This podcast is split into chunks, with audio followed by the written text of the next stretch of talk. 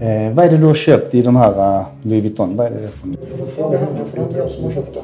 Okej. Ja, så det är absolut inte mitt. Men det, det är köpt med ditt kort? Ja, nej, det är det inte alls. Jag tittar på kvitton. Kvittot står i ditt kort va? Nej, det är betalt med kontanter så det är det inte.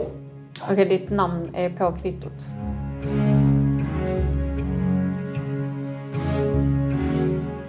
Det är inte roligt om man väntar på oss där bärgare, så vi Nej, kör med Så detsamma. vi kör. Ja. Jag ska ta larmet bara. De som håller sig undan och försöker undvika att betala på alla möjliga sätt. Det är ju främst de vi är ute efter. And if you don't have any possibilities for payment today, uh, we're gonna have to seize your car for the ass for the assets that its value is.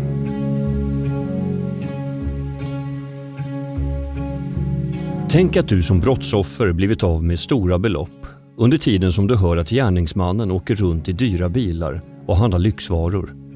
Eller att alla vi skattebetalare vet att det finns de som inte följer någon annan lag än sin egen. Det finns grupper som jobbar dygnet runt för att komma åt de personerna.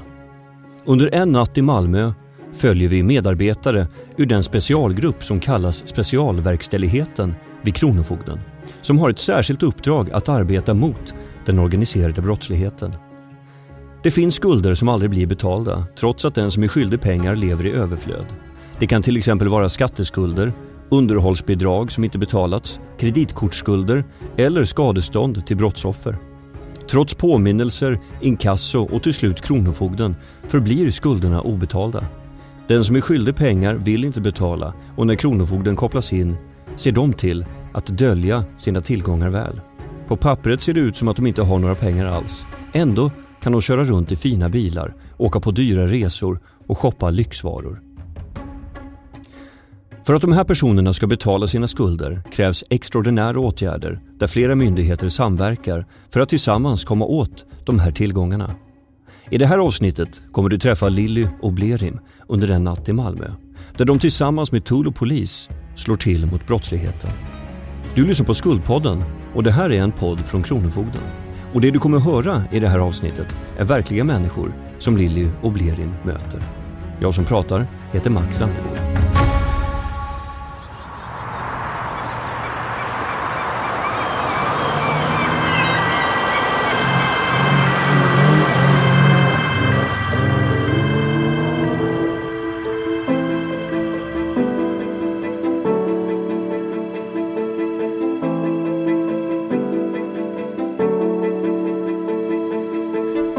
Tagit ett skift på den svenska sidan av Öresundsbron. Här står de ofta öga mot öga med den organiserade brottsligheten, men också med helt vanliga människor som det gått snett för och som nu har skulder som måste betalas. Insatsen, som kommer pågå fram till fyra på morgonen, tar sin början på Kronofogdens kontor i Malmö, där Lilly och Blerim samlar in underrättelser som de får löpande från polis och tull.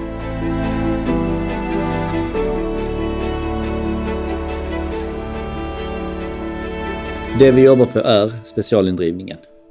Eh, det går ut på en eh, rad olika grejer faktiskt. Eh, vi jobbar mycket med myndighetssamverkan och interimistiska beslut som är sådana här snabba beslut från tingsrätt eller andra domstolar som vi behöver verkställa för kanske Skatteverket eller för vad heter det, Tullverket eller vad det kan vara. Det finns väldigt många olika.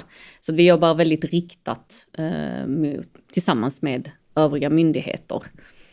Det är en stor del av vårt arbete så att säga. Hur hur kan det se ut, eh, alltså ett snabbt beslut från tingsrätten för någon som är lite okunnig, alltså jag till exempel. Eh, Berätta lite om hur det kan se ut. Om vi tar ett snabbt beslut från tingsrätten till exempel, eh, då brukar åklagaren flagga för att det kommer ett beslut. Vi ska vara förberedda. Och eh, vi får in den i vårt system och då eh, ska vi helt enkelt eh, påbörja tillgångsundersökningen på den personen det det avser. Och det, då menar jag med att eh, skicka bankförfrågningar och leta tillgångar helt, helt enkelt. Om man ska uttrycka det milt. Kronofogden är med på de här samverkansinsatserna för att driva in skulder och hitta tillgångar som de annars aldrig hittar. Det som de hittar går till att betala av skulder. Skulder som ofta måste drivas in på det här sättet är skadestånd till brottsoffer. Så ni är liksom insatsstyrkans eh, motsvarighet på Kronofogden? Det kan man eh, faktiskt säga. Faktiskt, inte helt eh, långt ifrån. Nej. Sen har vi ju även beslut från Skatteverket, betalningssäkringar, där vi också, de är också interimistiska, de ska handskas, handläggas skyndsamt och även där, eh, det är ju utan underrättelse till, till eh, den det gäller. Eh, de vet ju inte om att vi skickar bankförfrågningar och att vi då säkrar pengar på deras konton. Så att det är också skyndsamma beslut. Jag trivs jättebra, jag älskar mitt jobb. Det är intressanta arbetsuppgifter. Det är, det är så olika. Ingenting är sig likt från en dag till en en annan. Sen spelar ju kollegorna också stor roll. Jag har haft jättebra kollegor genom åren och har fortfarande bra kollegor. Hur ser rollfördelningen ut här mellan polisen, Tullverket är väl med ibland också, och Kronofogden? Kan, kan du berätta hur det operativt ser ut på plats? Eh, Tullverket har ju, som jag förstår det, helt andra befogenheter än, än polisen att eh, göra husrannsakan i bilar till exempel. Eh, polisen måste ju ha ett beslut om de ska göra husrannsakan. Så att den fördelningen eh, har de sinsemellan. Men vi, vi eh, är ju där på plats för att då hitta till exempel eh, tillgångar som de stoppar.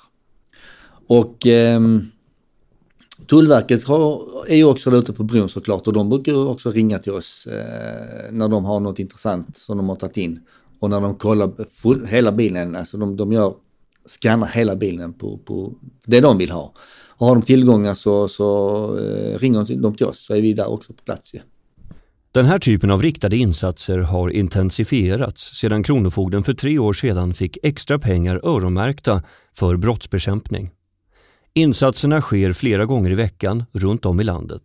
Det kan vara trafikkontroller vid gränsen, i krogmiljö, på flygplatser eller andra miljöer där personer vistas som inte har betalat sina skulder trots att de uppvisar en livsstil som tyder på att pengar finns.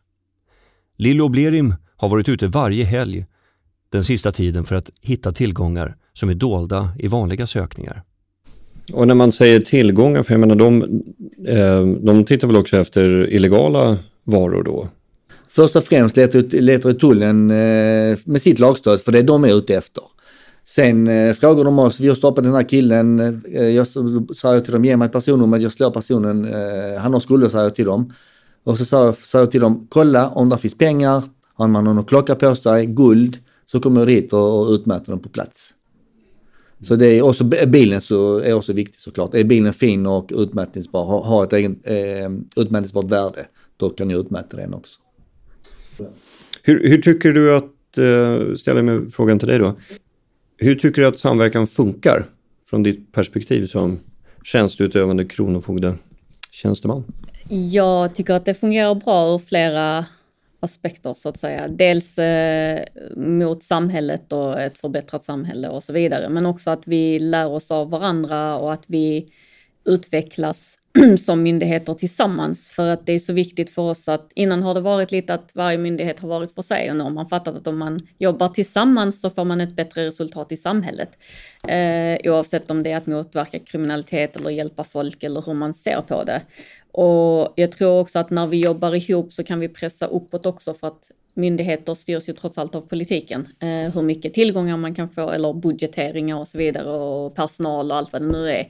Eh, och allt det spelar ju roll och det kan ju leda till lagändringar, det kan laga eh, i form av förbättringar och så vidare. Så att samverkan är mycket mer än bara en insats vid det tillfället, det ger ringar på vattnet för annat. Eh, vi kanske stöter på grejer som är kopplat till penningtvättsbrott eller liknande som polisen kanske inte hade kunnat se om det inte var för vår utredning eller eh, ja, vad det nu kan vara. Så att vi kan ju hjälpa varandra på så många andra sätt än att bara eh, samverka där och då som en insats så att säga.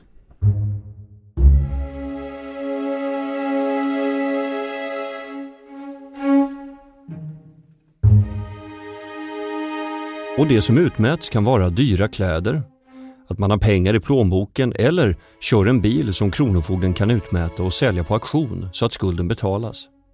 I andra änden finns någon som vill ha betalt Genom samverkan kan till exempel skadestånd äntligen nå brottsoffer eller skatteskulder betalas.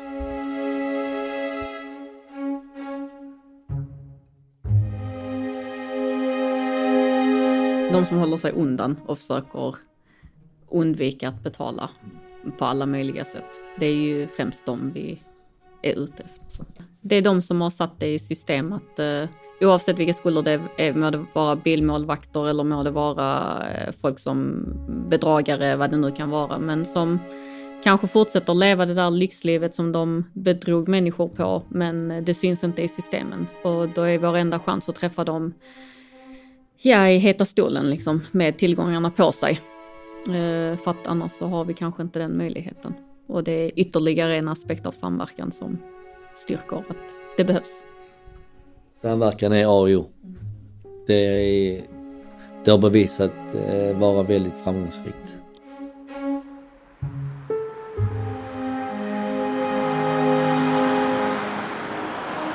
Vi måste bestämma vad vi ska äta. Något snabbt. Jag vet inte, jag tänker eh, på vägen finns en eh, kebab. Ett kebabställe. Ja, för att vi hinner inte till Svågertorp och där så vi tar något snabbt. Vi Vi tar något riktigt malmöitiskt. Malmöitiskt, ja. Kebab. Eller fal, äh, falafel. Yes. I början av kvällen är det väldigt lugnt på bron. Men så plötsligt kommer ett anrop. Lilly och Blerim springer mot bilarna och sätter av mot tullen. De har hittat något. Var låg pengarna? Och den, vems är den? Det var hennes körkort som låg i den. Och, eller hur? De 500 låg i börsen där... Eh, Pengar här. Det Ja. finns det ju. Herregud, han är perfekt. Och det visar sig vara en jackpot.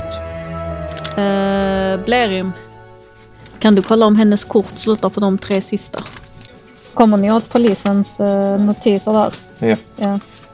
Ska värdera den snabbt och kolla och se om, vi kan göra, om det är värt 612 den överhuvudtaget? Jag kan tänka mig. Men jag skriver beslutet till länge. Kvinnan som tullen har stoppat är skyldig över 2 miljoner kronor till olika borgenärer som tagit hjälp av Kronofogden för att driva in sin skuld. Nu sitter kvinnan i en cell som tullen placerat henne i. Bilen som står parkerad i tullens garage är fylld med lyxvaror som nu dykats fram på bordet intill och ska värderas av Lilly och Blerim. Lilly öppnar tanklocket på BMWn. Det har hänt faktiskt att man har hittat eh, kontant, kontanter i tanklock. Så att eh, det vore inte första gången så det kan vara ett bra alternativ att kolla. Ett par solglasögon för samma pris som för en vinterjacka. En magväska som är lika dyr som en mindre skönhetsoperation. Och smycken som skulle kunna få vilken primadonna som helst att höja på ögonbrynen. Samtidigt slår Lilly och Blerim i sina register och ser att kvinnan går på bidrag. Tjena! Några som vill prata med dig här först? Du är från Kronofogden, min kollega. Hej, Lilly. Eh, du har lite skulder hos oss. Eh, och jag ser att du har köpt lite grejer. Det är inte jag som har köpt ja. Okej, de finns i alla fall i din, i din besittning. Så har du pengar i, som bara i din plånbok. Så de kommer jag utmäta för dina skulder. Okej. Eh, vad är det du har köpt i de här uh, Louis Vuitton? Vad är det? Det får du fråga henne, för det är inte jag som har köpt det. Okej. Ja, så det är absolut inte mitt. Men det, det är köpt med ditt kort? Ja, nej, det är det inte alls. Det på kvitton. Nej. Kvittot står ditt kort på. Nej, det är betalt med kontanter, så det är det inte. Tullen stoppade kvinnan och sökte igenom hennes bil. De fann inget olagligt, men däremot såg de alla påsarna från Louis Vuitton och en tullinspektör kontaktade då Lilly och Blerim för att kontrollera om hon hade skulder. Okej, ditt namn är på kvittot. På vilket kvitto? Med ett långt kvitto. Louis Vuitton-kvittot. Ja, det vet jag inte, men det är absolut inte mina grejer i alla fall. Sen så har jag en utmätning. Jag har precis varit hos mig och jag har en... Eh, Jag vet, vi har sett. ja, så att det är en skuld som är inledd. Om du ser på det. Nej, det. Skuldsanering inledd har vi ju inte gjort utmätningar för i så fall. Alltså skuldsanering är ju en annan Det grej. finns ingen, ingen uppgift om att det är inledande skuldsanering. Okej, för det har jag fått med. Jag fick även pengar tillbaka från när i fredags. 5 747 kronor. Kvinnan som sitter i cellen hävdar att hon har beneficium och att en skuldsanering är inledd. För att driva in skulder har Kronofogden stora befogenheter. Om du har en obetald skuld så kan de ta det som behövs för att skulden ska bli betald. Men Kronofogden får inte ta allt. Den skuldsatte har alltid rätt att behålla tillräckligt för att kunna betala de mest nödvändiga utgifterna som mat och hyra. Och det är vad beneficium innebär. Ja, jag kommer skriva ett beslut och komma tillbaka till dig.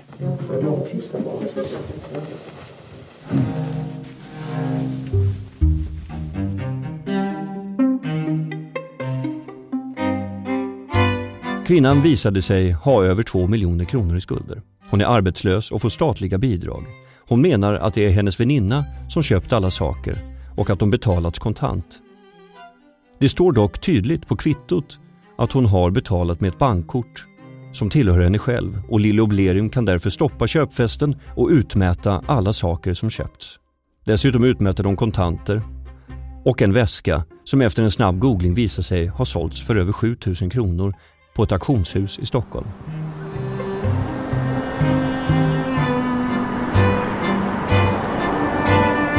Ska vi ta hans eh, personnummer? Annika, kan du ta hans personnummer sen? Natten har lagt sig över Malmö. Antalet ärenden som kommer in till Lilly Oblerim från tull och polis ökar stadigt. Lilly berättar om en kollega som utmätt en dyr klocka från en man. När polisen stoppade hans bil hade mannen klockan på sig, men när kronofogden kom fram till bilen hade mannens kompis trätt på sig armaturet. Tack vare polisens observation kunde kronofogden utmäta klockan som var värd nästan en miljon kronor. En del av de människor som Lilly Blerin stoppar väljer att betala sin skuld på plats när de ser att de annars får ta bussen hem om kronofogden skulle ta bilen. Och på något sätt lyckas de då få fram pengarna. Det är väl han? 77. Ja, det är det. Med polisens hjälp träffar Lilly Oblerim en annan man med skulder. Eh, ser du någon, om, när du klickar på eh, bilen, ibland brukar ni kunna få mer information om kreditgrejer. Grejer. alltså att det står typ att eh, den har gjorts någon, jag kan inte säga att det är kreditköp, jag ska dubbelkolla här bara. Kreditköp står nej, leasat står nej. Jag ser inget att det är Nej. kreditköp. Det hade stått i så fall. Okej. Men eh, utmätt den. Ja. Tillsammans har myndigheterna en bred verktygslåda och kan upptäcka tillgångarna och få information som de annars inte hade fått på egen hand. Effekten är att det blir svårare för kriminella att skryta med sin livsstil genom att visa upp sina dyra saker. De kriminella riskerar att bli av med dem och dessutom ser Kronofogden till att brottsoffren får tillbaks sina pengar. Vi ska prata med honom. Yes. Yes.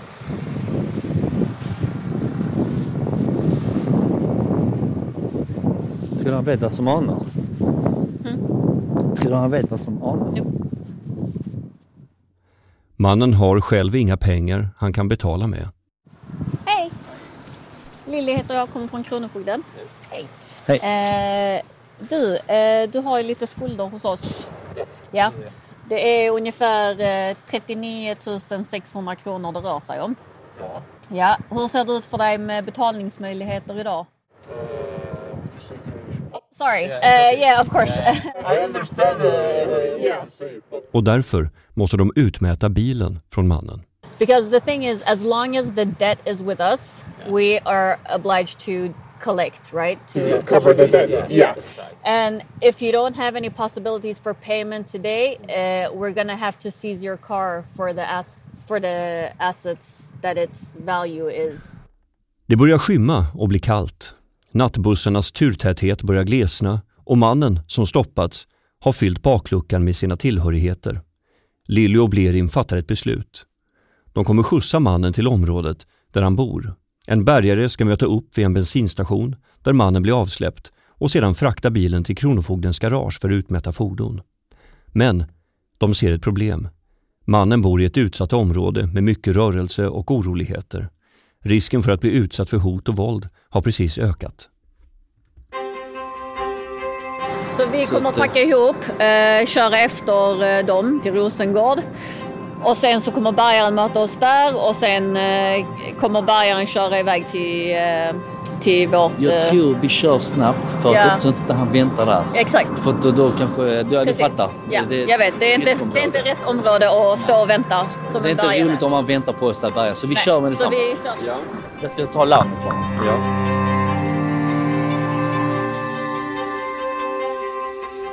Allt går lugnt till. Mannen som får skjuts av Lilly och Blerim tackar dem innan han bär med sig sina tillhörigheter från bakluckan.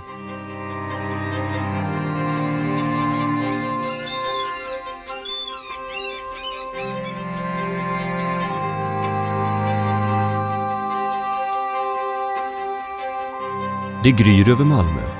Taxifiken ställer fram sina frukostmenyer under tiden Lilly och Blerim tömmer bilen de utmätt och säkerställer att allt bokförs. Rätt många bilar här inne. Har ni mött ut allihopa? Yes, det är antingen någon form av säkring eller eh, alltså någon form av åtgärd, må det vara utmätning eller må det vara någon eh, säkerhetsåtgärd. Eh, så är det våra bilar i alla fall. Och vissa kanske har pågående ärende som gör att de inte går att sälja just nu. Då får vi ha dem här så länge. Tyckte lite synd om den där killen. Mm. Ja, det är ju, han var i alla fall väldigt samarbetsvillig och förstod både varför vi behöver utmäta bilen och eh, vi förklarade alternativen för honom på vad han kan göra. Så att eh, han var väldigt mottaglig för både diskussion och liksom väldigt förstående och det underlättar ju väldigt mycket. Eh, både för vårt arbete men också för att han tar del av informationen som är nödvändig för hur han ska gå vidare.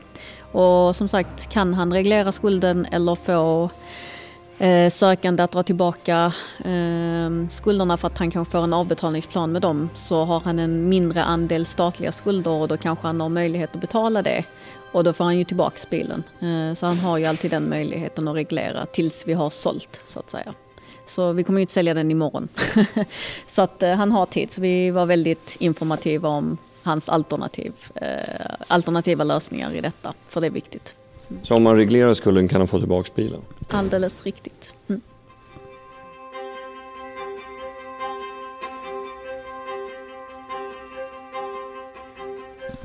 Jag tänker, är det inte att förhålla sig professionell när man liksom träffar alla de här personliga livsödena? Det finns ju många som, du vet att det är bara en personlig tragedi och det är synd om dem. Hur, hur, eh, hur gör du för att fortsätta vara professionell?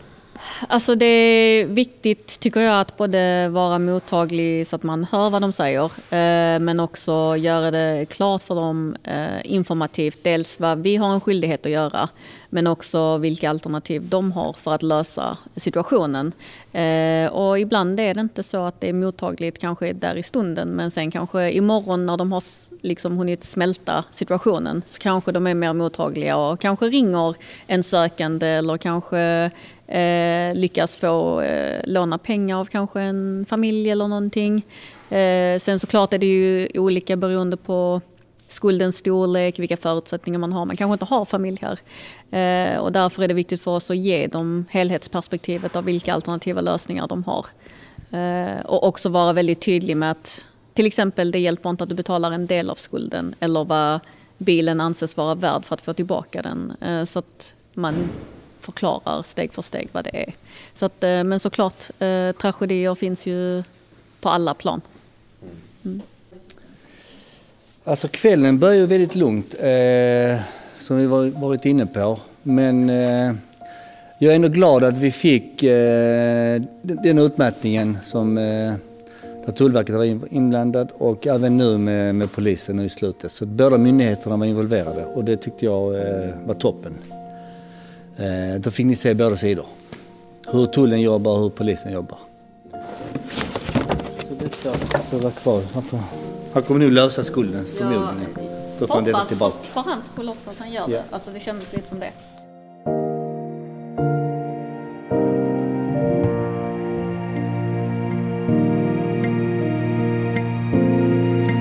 Du har lyssnat på Skuldpodden, en podd från Kronofogden. Vill du veta mer om Kronofogdens arbete, gå gärna in och läs på kronofogden.se. Och du har väl inte missat att det finns fler avsnitt i samma serie av Skuldpodden?